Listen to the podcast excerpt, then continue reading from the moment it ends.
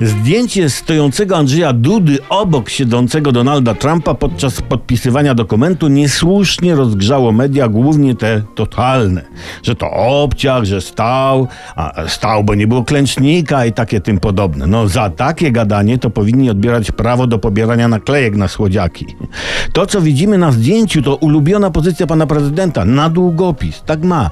Nie wiem, co jest złego w tym, że nasz prezydent góruje nad prezydentem amerykańskim. Trump siedział przy naszym jak jakaś baba. To kto jest bardziej macho? No, właśnie. Szef gabinetu prezydenta Dudy, pan Szczerski, wyjaśnił szemrającym po zakamarkach podżegaczom, że zdjęcie miało oddawać dynamikę, spo dynamikę spotkania.